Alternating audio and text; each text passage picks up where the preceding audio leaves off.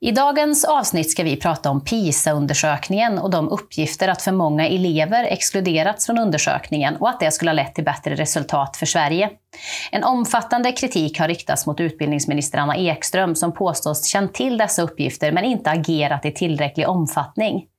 Men vad är det egentligen som har hänt och vad är det som är sant och inte?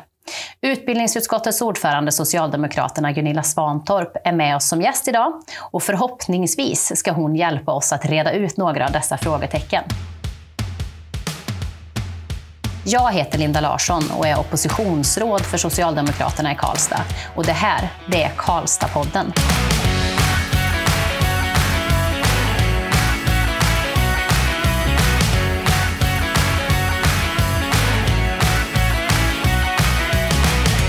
Varmt välkomna alla lyssnare och varmt välkommen Gunilla. Vad kul att du är här. Tack så mycket, kul att vara här.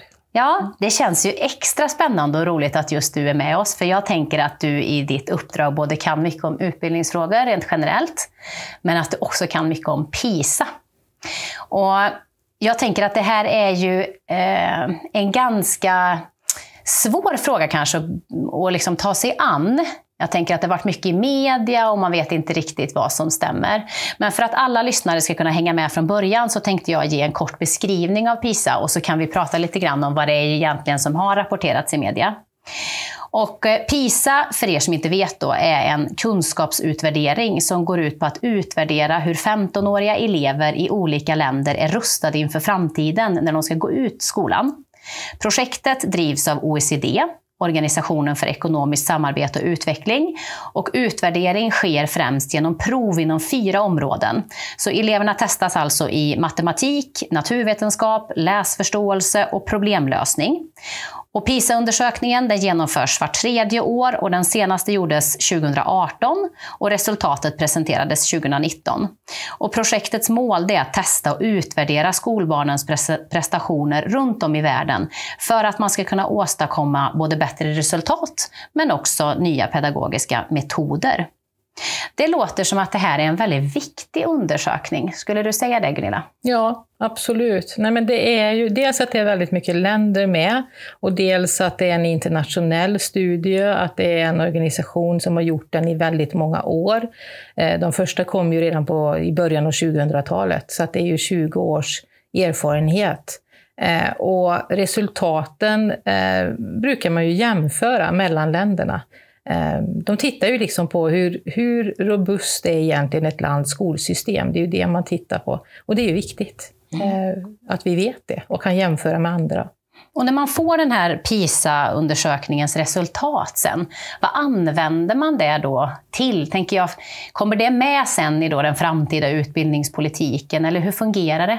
Så har det ju lite grann varit eh, tidigare. Den här gången blev det ju eh, en detalj som man har diskuterat, men i vanliga fall så brukar man ju kanske mer fokusera på de som ligger under medel i resultat, alltså de som är eh, underpresterande. Eh, och de i Sverige har ju varit ganska många de sista, eh, de sista mätningarna. Eh, och då har man ju fokuserat på det. Varför ser det ut så? Varför har vi 17 procent som vi hade sist som underpresterar? Eh, då, då kan man se att eh, skolsystemet är inte likvärdigt eh, och att man behöver då satsa för att öka likvärdigheten, som ett exempel.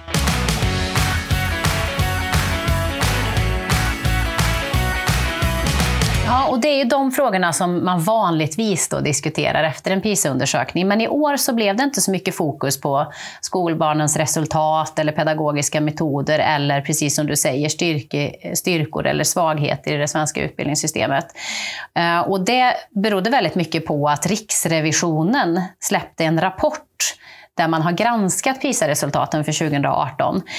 Eh, för det har ju framförts en del kritik mot att för många elever i Sverige har undantagits från att göra de här testen. Och man har ju därför ifrågasatt om resultaten verkligen har gett en rättvisande bild.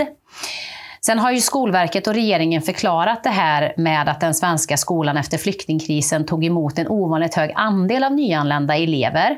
Och enligt OECDs regler så får ju vissa elever undantas från att delta i provet. Bland annat då om man har mindre än ett års undervisning i svenska. Men det verkar som att det är väldigt många, jämfört med många andra länder, som har exkluderats från de här proverna. Eh, vad säger du om den här kritiken från Riksrevisionen? Stämmer den? Eller? Det som stämmer är ju att det är, i vanliga fall, alltså regeln är ju att man ska få undanta 5 procent. Eh, nu är det 11 procent som är undantagna i Sverige, men vi ska också komma ihåg att organisationen som gör provet, alltså OECD, de har ju granskat det här. Dels första gången och sen bad ju Anna Ekström att de skulle granska en gång till för att se om just den här höga exkluderingsgraden hade påverkat resultaten. Så de har gjort ytterligare en granskning och när de gjorde den andra granskningen så kom de ju till oss i utbildningsutskottet eh, och drog den granskningen. Vi hade ett extra utbildningsutskottsmöte där de drog den granskningen. Och det var ju inte så mycket frågor då eh, till dem. Utan eh, de, de menar på att vi har för hög exkluderingsgrad, men att det är okej. Okay. Och då ska man också komma ihåg att eh, OECD har ju vid ett flertal tillfällen faktiskt inte låtit alla länder delta med sina resultat eftersom de inte har Ehm, eftersom inte resultaten har, har varit rätt eller kommit till på rätt sätt. Men de anser alltså att våra resultat har kommit till på rätt sätt eftersom vi ändå får delta. Och det tycker jag också är en viktig signal. Sen då när det blev så mycket diskussioner eh, i efterhand så, så, beslöt ju då Riksrevisionen, som ju är en, en helt oberoende myndighet, att också göra en egen granskning. Och det är ju den som har kommit nu. Det är därför det är så mycket diskussioner just nu. Eh, och den säger ju då att, vi har, att, att, det kan påverka, alltså att resultatet kan påverkas av att det är så många fler som har exkluderats. Men man kan inte vara säker på det. Eh, så de är ju inte, de är inte heller tvärsäkra, utan det är också så att det är tidningar och det är andra partier som tolkar vad Riksrevisionen säger. Ja, för det tycker jag ändå är viktigt att säga till mm. både regeringen och Annas försvar, tycker jag. Att OECD ju inte bara granskade uppgifterna en gång, utan också på uppmaning utav svensk, Sveriges regering två gånger. Mm. Eh, och att man ändå har kommit fram till att resultaten eh, förmodligen inte skulle ha sett annorlunda ut. Mm. Um, för väldigt mycket av kritiken handlar ju om Annas agerande i detta. Borde hon ha gjort mer? Borde hon ha gjort det tidigare och så? Men det här var ju tidigt ändå i processen. Men eh, precis som du säger så skriver ju också Riksrevisionen då att ja, OECDs slutsatser baseras på felaktiga antaganden om det svenska skolväsendet när det gäller undervisningen av nyanlända elever. Så de vidhåller ju ändå sin kritik mot eh, OECD. Och min spontana känsla är ju att det är ganska svårt att reda ut i det här. När jag förberedde mig lite grann inför den här podden så surfade jag runt på många olika sidor och det känns nästan som att alla har sin egen beräkningsgrund och sin egen statistik som man eh, lutar den eh, beräkningsgrunden på. Men jag såg också att Skolverket ju har beslutat att inte längre särredovisa de här exkluderingsorsakerna. Eh, vilket ju gör att det kanske är ännu svårare att följa upp eventuella felaktigheter. Ehm, och det är det ju många som, som antyder att det skulle vara för att försvåra en uppföljning. Men så är det väl inte? Nej, det, det, tror jag. Alltså jag kan inte svara på det, varför Skolverket inte tycker eh, att de ska... Alltså det kan ju finnas olika anledningar till att du inte är med. Dels att du kan ha en funktionsvariation, eh, eller också att du då inte har läst svenska tillräckligt länge. Det finns ytterligare något som jag inte kommer ihåg just nu. Det finns tre eller fyra olika eh, sådana här ex exkluderingsgrader. Eh, och man har väl, tror jag, tyckt ifrån Skolverket att, i, att de här grupperna är inte tillräckligt jämnstora, så att, så att därför ska man liksom slå ihop dem. Och inte, men det är ju också en av de rekommendationerna som, som Riksrevisionen ger, eh, att man ska dela isär dem. Och det får väl Skolverket nu hantera efteråt. För att det är ju så, när Riksrevisionen har gett sina rekommendationer så ska man ju titta på det. Eh, tycker man att det är bra rekommendationer, ja då, då ändrar man ju sig. Eh, men det är ju inte vi som äger den frågan, utan det är Skolverket som äger den frågan. Ja, för att det är ju så att man kan ju exkluderas på lite olika grunder, precis som du är inne på. Men sen finns det ju också ett bortfall. Mm. Och det är ju sådana som har blivit utvalda för att delta i de här proverna, men utav en eller annan anledning, det kan ju vara att man är sjuk eller så, mm. så har man inte dykt upp på, på morgonen då provet är. Eh, men när jag surfade lite kring det här med Skolverkets beslut så förstod jag ju jag att det handlade ganska mycket om att det var den svenska personuppgiftslagen som ju faktiskt gjorde att man valde att mm. inte särredovisa. Så jag tänker att det ligger nog mycket i det du säger, att en del av de här grupperna kanske är så pass små mm. så att de inte ska kanske redovisas var och en för sig. Mm. Nej, för att då, då, kan man hitta personerna och det, det, så kan man ju inte ha det. Det ska ju liksom vara sekretess. Ja, men precis. Har, ja.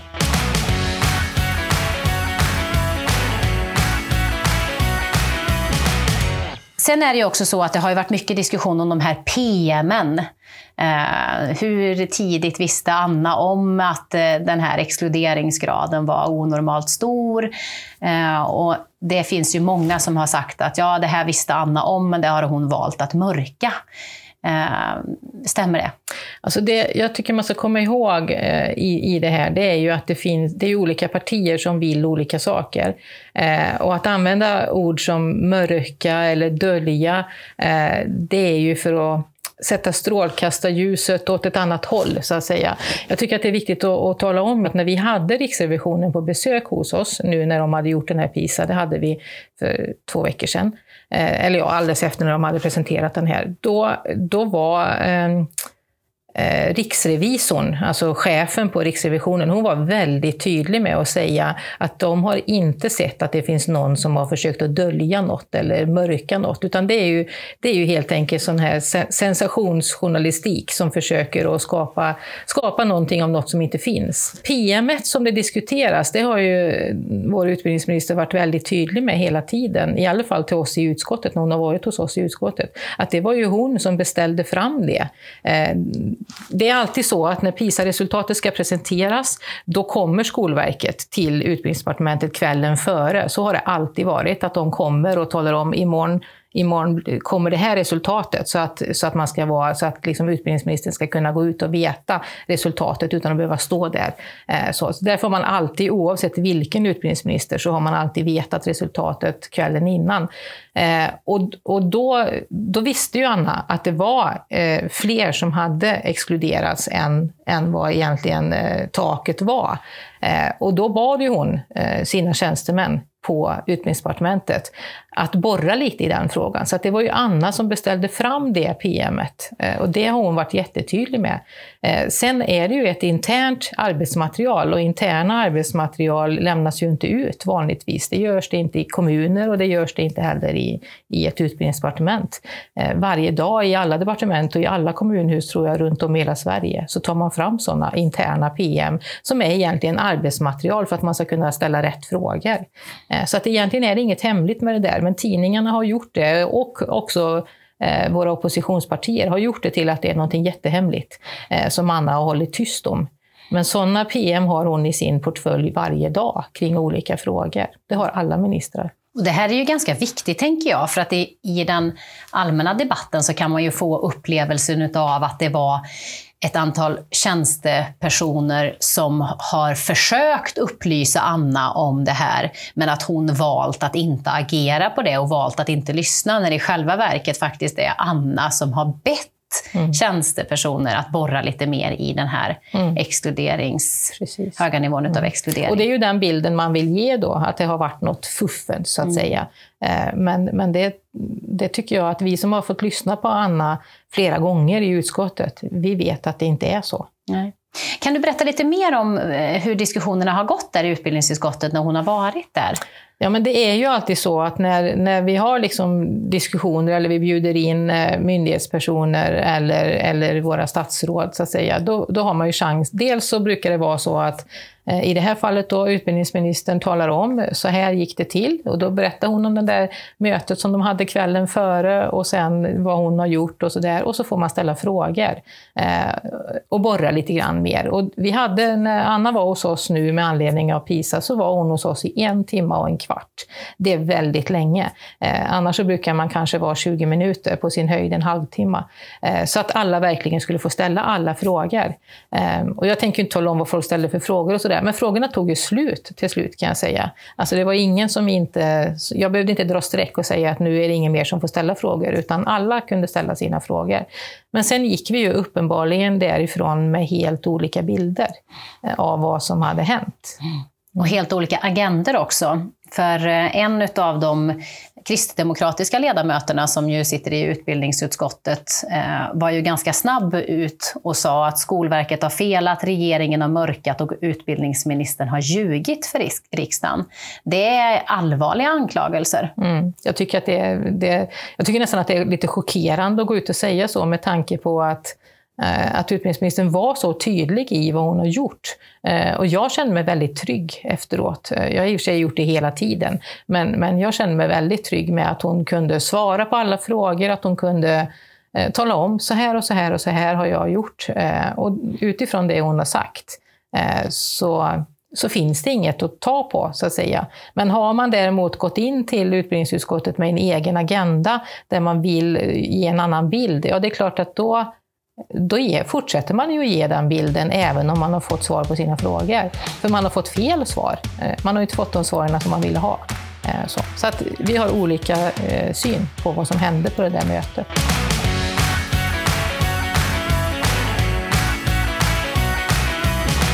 Ja, och nu pågår även en KU-utredning vad kan du säga om den? Ja, det är ju egentligen en gammal, eh, det är ju eh, Sverigedemokraterna som anmälde Anna då när PISA-resultatet kom, alltså 2019, för någon artikel som hon, där hon sa någonting, tyckte någonting i en artikel. Det har de KU-anmält henne för. Eh, och det skulle man egentligen då ha hanterat nu eftersom KU kommer med sina, eh, sina slutredovisningar nu i veckorna. Eh, men nu har man bestämt sig för att efter, efter det som har hänt nu så har man bestämt sig för att, att skjuta på hela, hela PISA-ärendet. Så att det kommer upp i nästa års, alltså till hösten och beslut då nästa vår istället kring Annas agerande. Eh, men det, det, det, är ju ganska bra för att vi i utbildningsutskottet ska ju inte granska statsrådets ansvarsutövande. Vi ska ju liksom kunna ställa frågor om provet, om PISA, hur har det påverkat resultaten och sådär. Men statsrådets ansvarsutövande, det är det ju KU som gör, alltså konstitutionsutskottet. Eh, så att vi har ju olika roller. Ja, det finns ju en del partier som har talat om att rikta misstroende mot Anna. Mm. Hur troligt är det? Nej, jag tror inte alls att det är troligt. Anna har en, en väldigt stark ställning eh, även i andra partier.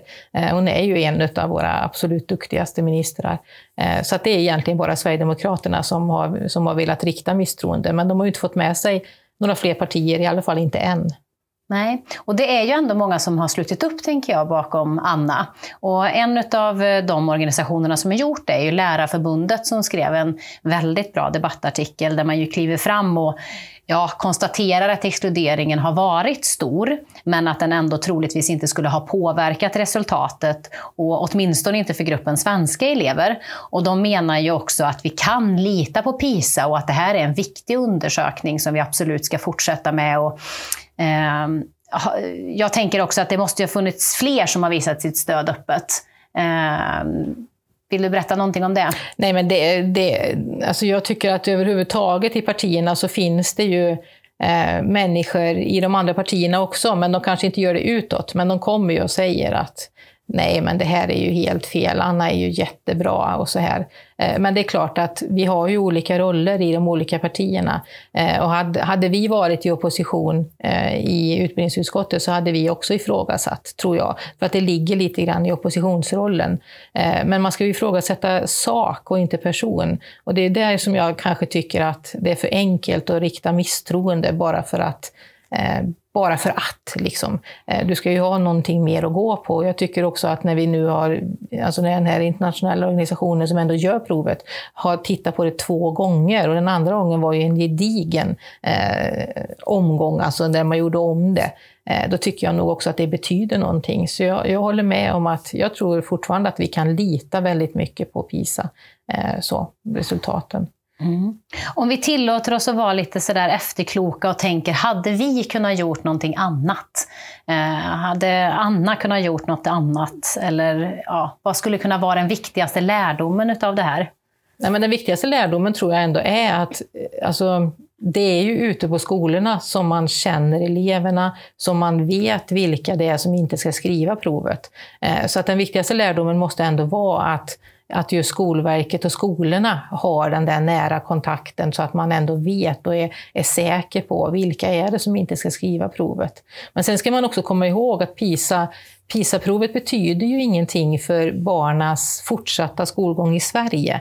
Eh, och det är någonting som jag tror kan göra att de där också högpresterande barnen väljer att inte skriva provet. Alltså det, de finns med i det bortfalls... Eh, alltså de som inte har kommit på provet. För att det är ju mycket viktigare att man går och skriver ett nationellt prov och gör det bra där, än att man lägger ner sig på ett PISA-prov som egentligen inte betyder någonting för min framtida väg i utbildningssystemet. Eh, så att de som vill rikta kritik mot utbildningsministern nu, de säger ju att det bara är lågpresterande barn, alltså att det skulle ha blivit ännu sämre resultat.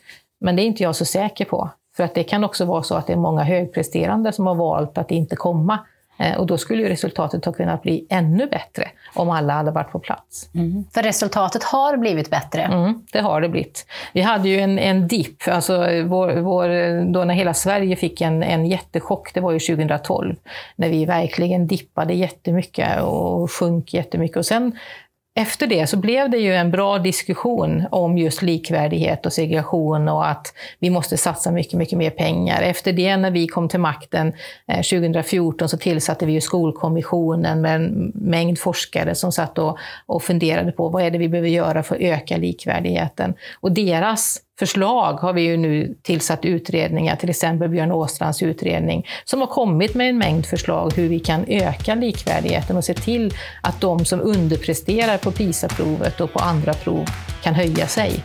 Det borde vi prata mycket, mycket mer om.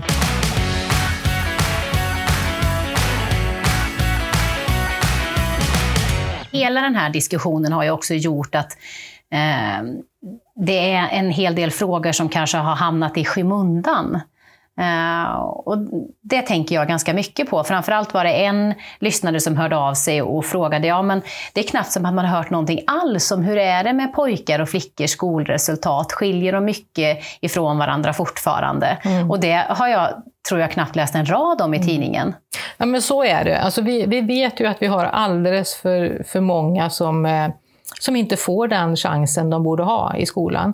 Vi vet att det fortfarande, som svar på din fråga, är så att eh, tjejerna presterar bättre än killarna i skolan. Men killarna har höjt sig på slutet. Det har de gjort, de har blivit bättre. Men vi ser ju också att eh, de som går vidare till högre utbildning är ju i mycket högre grad tjejer än killar.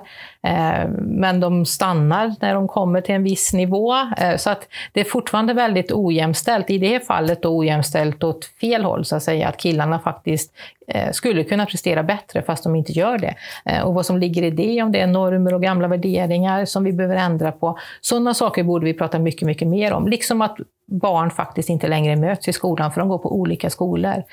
Och att att man då inte får ut det där mervärdet av att möta andra som man annars inte skulle ha mött i vardagen. Den, det var det som vi gjorde när vi gick i skolan. Då mötte vi ju de som inte såg ut exakt som oss själva eh, och som inte levde samma liv. Och det lär man sig väldigt mycket av och det har man nytta av resten av livet. Mm. Så sådana saker borde vi prata mycket mer om än att eh, för många ex exkluderades ifrån PISA-provet.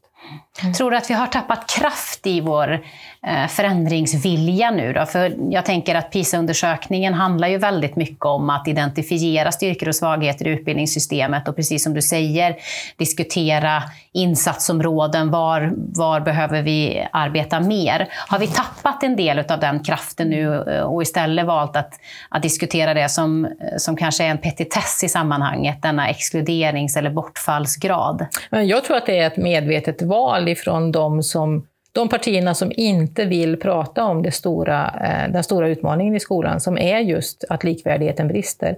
Eh, och som eh, PISA, alltså som OECD, återkommande flera gånger har kommit tillbaka till oss och sagt att ni måste göra någonting åt ert skolsystem, för att det är inte rättvist. Eh, det snarare ökar på segregationen eh, och minskar likvärdigheten. Eh, när, när, barn inte längre möts i skolan och vi inte ger rätt ekonomiska resurser. Eh, det gör vi ju inte, för vi har fel skolsystem. Men vi, vi har ju partier som inte vill göra någonting åt det, som vill ha kvar den här uppdelningen. Eh, och då är det ju enklare att sätta fokus på en liten petitess än att faktiskt diskutera det vi borde diskutera. Hur ser vi till att barn möts i skolan och att alla barn faktiskt som behöver får det särskilda stödet som de ska ha? Eh, att fler vill jobba i skolan, att fler söker sig till lärarutbildningen. Vi har massvis med frågor vi borde diskutera istället för att diskutera vilka som inte skrev ett prov. Och jag tänker också nu, det kan vi säkert ägna en hel podd om, skolfrågor tänker jag. Men om vi återvänder lite grann till Annas roll i det hela. Ehm, och genom samtalet här så märker man ju att Anna har ju både tidigt agerat och uppmärksammat och, och gjort vad hon har kunnat och vad man ska kunna förvänta sig, tänker jag, utav en minister.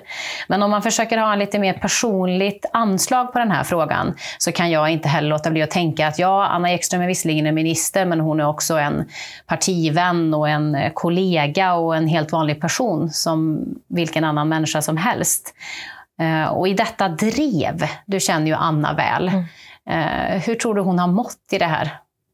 Nej men alltså man mår inte bra i drev, så är det ju. Eh, det är klart att när, när, när man, vi, vi har ju bägge nära vänner som har varit utsatta för drev och det vet man ju att när när man öppnar tidningen och det första man får se är liksom, ja, någonting som talar om att, att man är jättedålig eller man har liksom ljugit, som du sa att vissa påstår. och så här.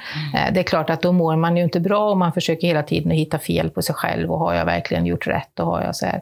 Nu tror jag att Anna är en person som har väldigt många runt sig som hon kan bolla med eh, och också är en väldigt omtyckt person. Men det är klart att det sitter ju där.